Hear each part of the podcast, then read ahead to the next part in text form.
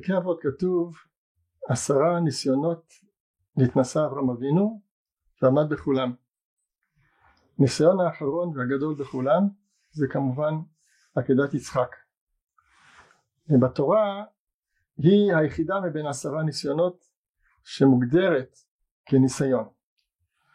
ואפשר אפשר לומר אפילו שהפרשה של עקדת יצחק זו הכותרת שלה. ויהי אחר הדברים האלה והאלוקים ניסה את אברהם ואחר כך מתחיל הסיפור שהוא בעצם תיאור הניסיון שקדוש ברוך הוא ניסה את אברהם.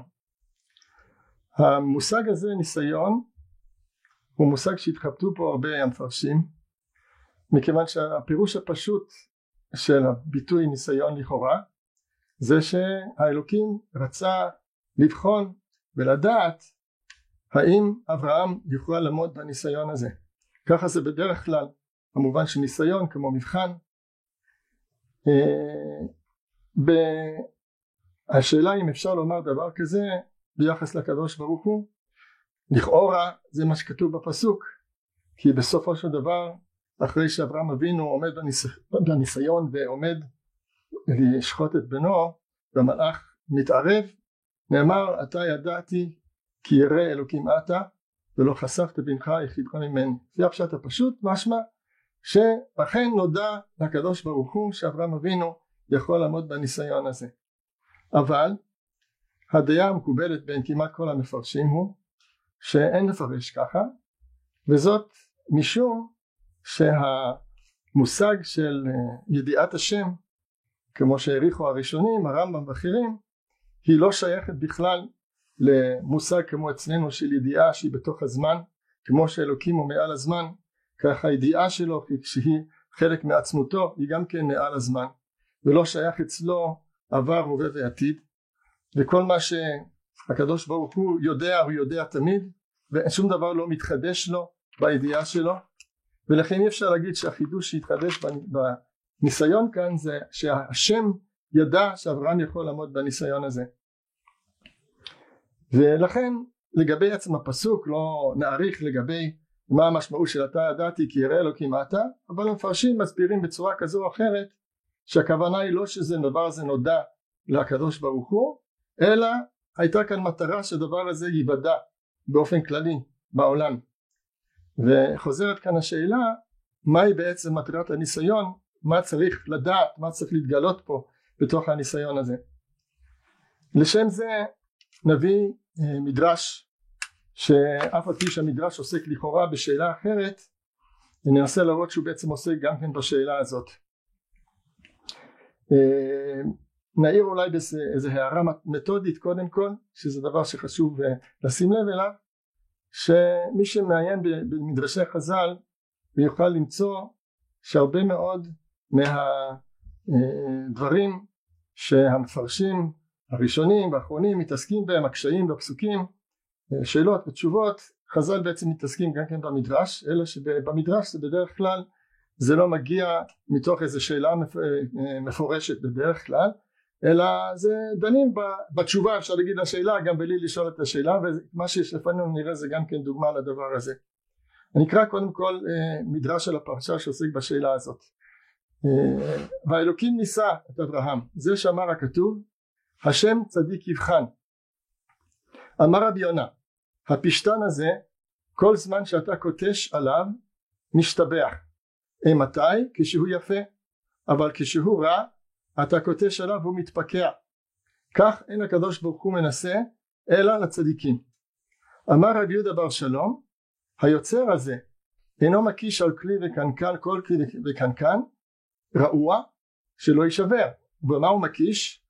על הבריא כך אין הקדוש ברוך הוא מנסה לרשעים אלא לצדיקים. שנאמר השם צדיק יבחן. אמר רבי אלעזר לבעל הבית כלומר משל לבעל הבית שיש לו שתי פרות אחת כוחה יפה ואחת כוחה רע.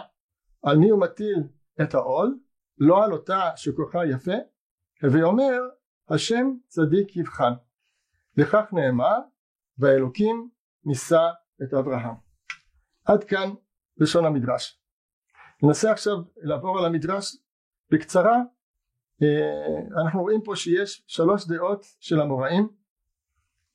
וכל אחד בא להסביר כאן מה זה השם צדיק יבחן באמצעות משל אחר. הראשון זאת אומרת השאלה שבעצם כפי שלפי הפשט שעומדת בפני המדרש היא למה כתוב השם צדיק יבחן למה מי שקדוש ברוך הוא מנסה אותו בוחן אותו זה דווקא צדיקים. כל אחד נותן משל. רבי יונה נותן משל שפשטן כל זמן שאתה קודש עליו משתבח כש... מתי כשהוא יפה אבל כשהוא רע אתה קודש עליו ומתפקע. לכן הקדוש ברוך הוא מנסה את הצדיקים ולא את הרשעים. זאת אומרת הקדוש ברוך הוא אה, כמו שהאדם שקוטש על הפשתן הוא קוטש רק פשתן כזה שזה יכול להשביח אותו אבל הוא לא קוטש על פשתן גרוע שזה עלול להרוס אותו. כך הקדוש ברוך הוא הוא מנסה את הצדיקים ולא את הרשעים. משום שהקדוש ברוך הוא לא רוצה לגרום על ידי הניסיון שמישהו ייכשל אלא אדרבה הוא רוצה שהוא יצליח. וככה גם כן במשל השני בצורה אחרת היוצר הזה אינו מקיש על כלי וקנקן רעוע שלא יישבר ובמה מקיש על הבריא כך אין הקדוש ברוך הוא מנסה להרשים לצדיקים כן זו יוצר כלי החרס הוא מקיש על הכלי ש... ש... שהוא רוצה להראות שהכלי הזה הוא כלי חזק אז הוא יעשה את זה רק על כלי שהוא יודע שהוא לא יישבר. וככה הקדוש ברוך הוא בוחן את הצדיקים כי הוא יודע שהם יכולים לעמוד במבחן. אותו דבר אומר רבי אלעזר במשל שלישי משל, משל לבעל הבית שיש לו שתי פרות אחת כוחה יפה ואחת כוחה רע על מי הוא מטיל את העול? לא על אותה שכוחה יפה. הווי אומר השם צדיק יבחר.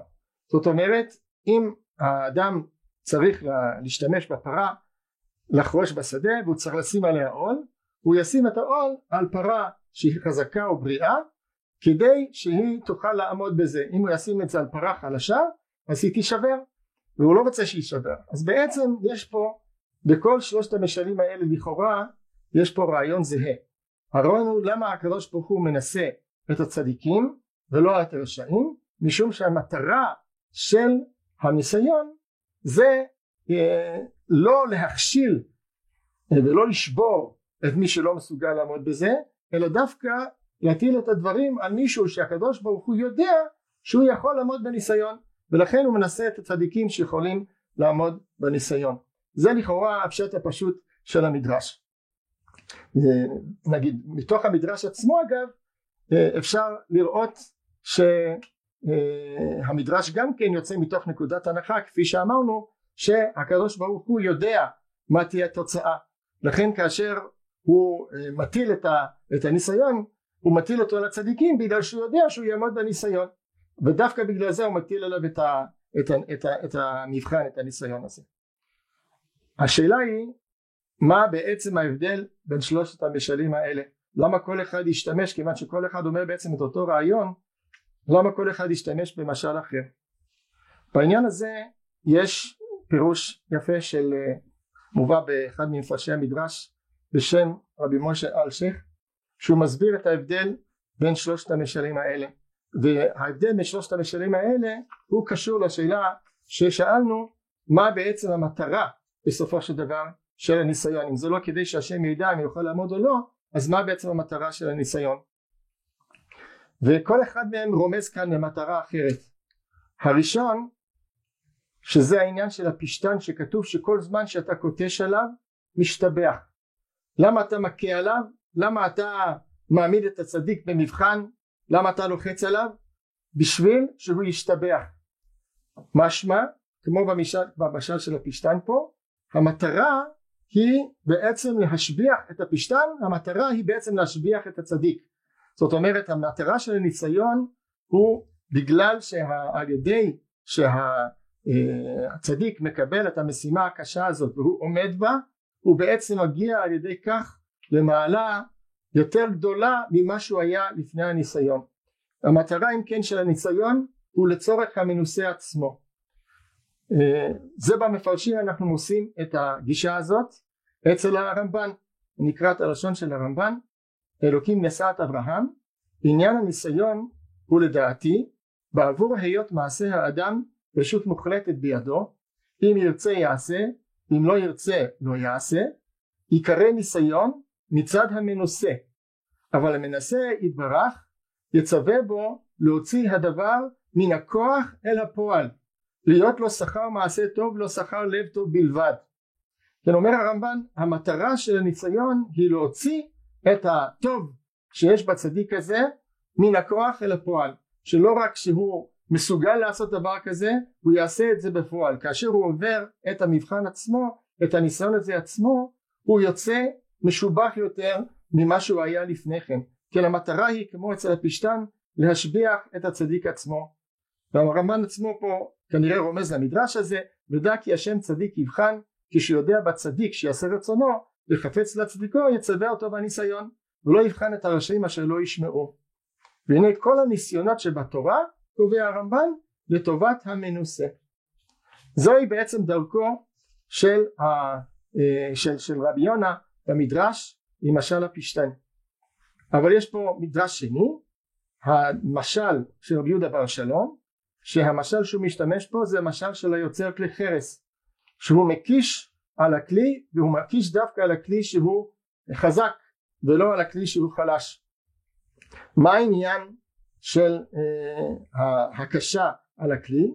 מסביר רבי משה אלשיך המטרה של כלי היוצר הוא בעצם להראות ללקוחות שלו לקונים שהכלים שהוא מוכר הם כלים חזקים. הוא רוצה להראות להם שכדאי להם לקנות את הכלים החזקים שלו. הוא רוצה בעצם לפרסם ללקוחות שלו את החוזק ואת האיכות של הכלים שלו.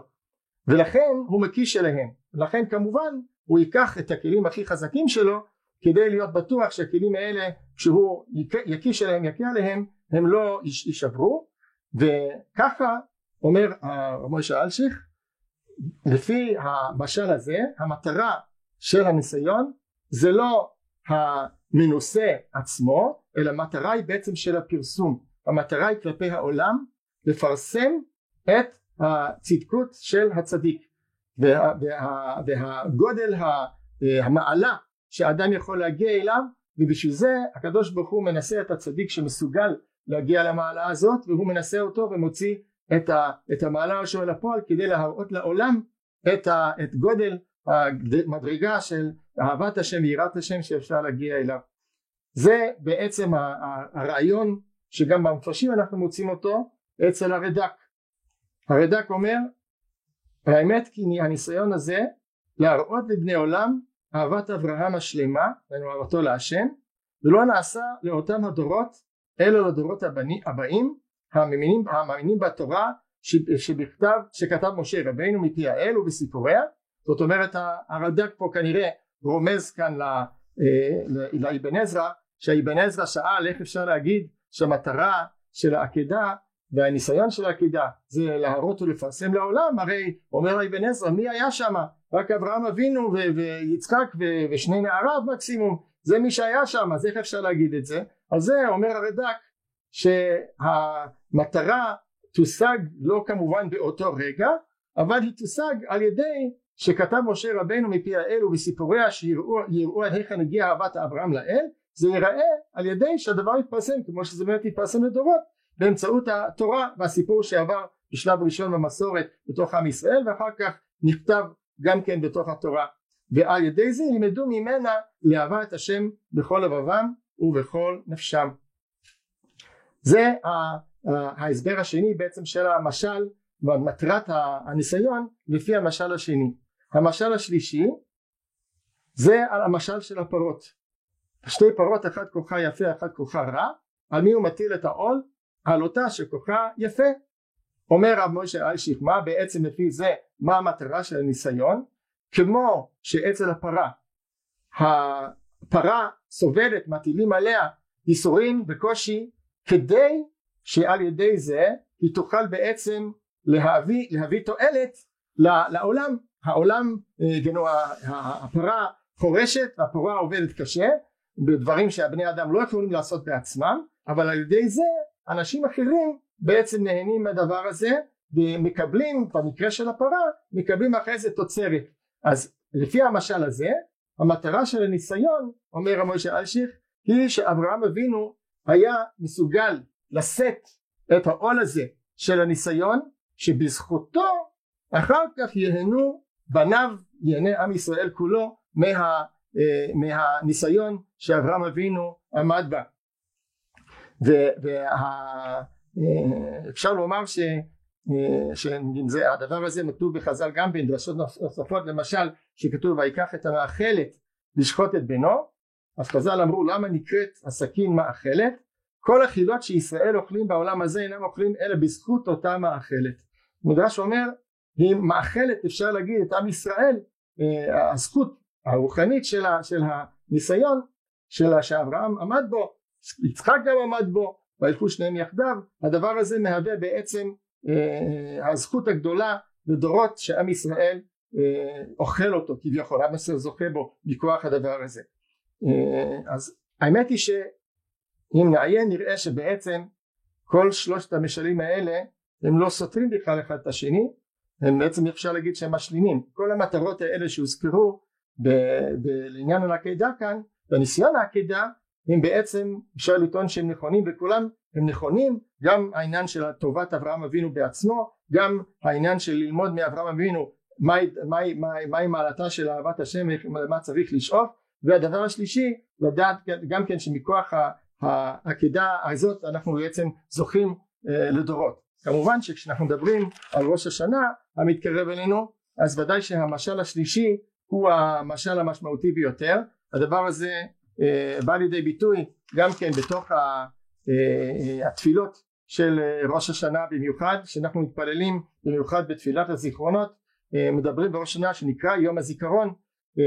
אנחנו מתפללים שהקדוש ברוך הוא יזכור אותנו לטובה מכוח הזכויות גם שיש לעם ישראל ובראש ובראשונה נמצאת זכות העקדה. אפשר לראות את זה גם כן בברכת הזיכרונות שזה מוכר וזה מוזכר גם בתוך הברכה. זה מוזכר גם אה, בסוף הברכה שתמיד אה, סוף הברכה חוזרים על העיקר וגם שם הברכה אה, כן של הזיכרונות היא באמת מסתיימת. ועקידת יצחק לזרעו היום ברחמים, ברחמים תזכור. זה בעצם המילים שאומרים לפני ברוך אתה השם זוכר הברית כיוון שזה הזכות הגדולה ביותר כן גם העניין של למה תוקעים בשופר של איל אמרו כדי שאזכור לכם עקידת יצחק בן אברהם ומעל עניינכם כאילו אקדמיה צריכם לפניי.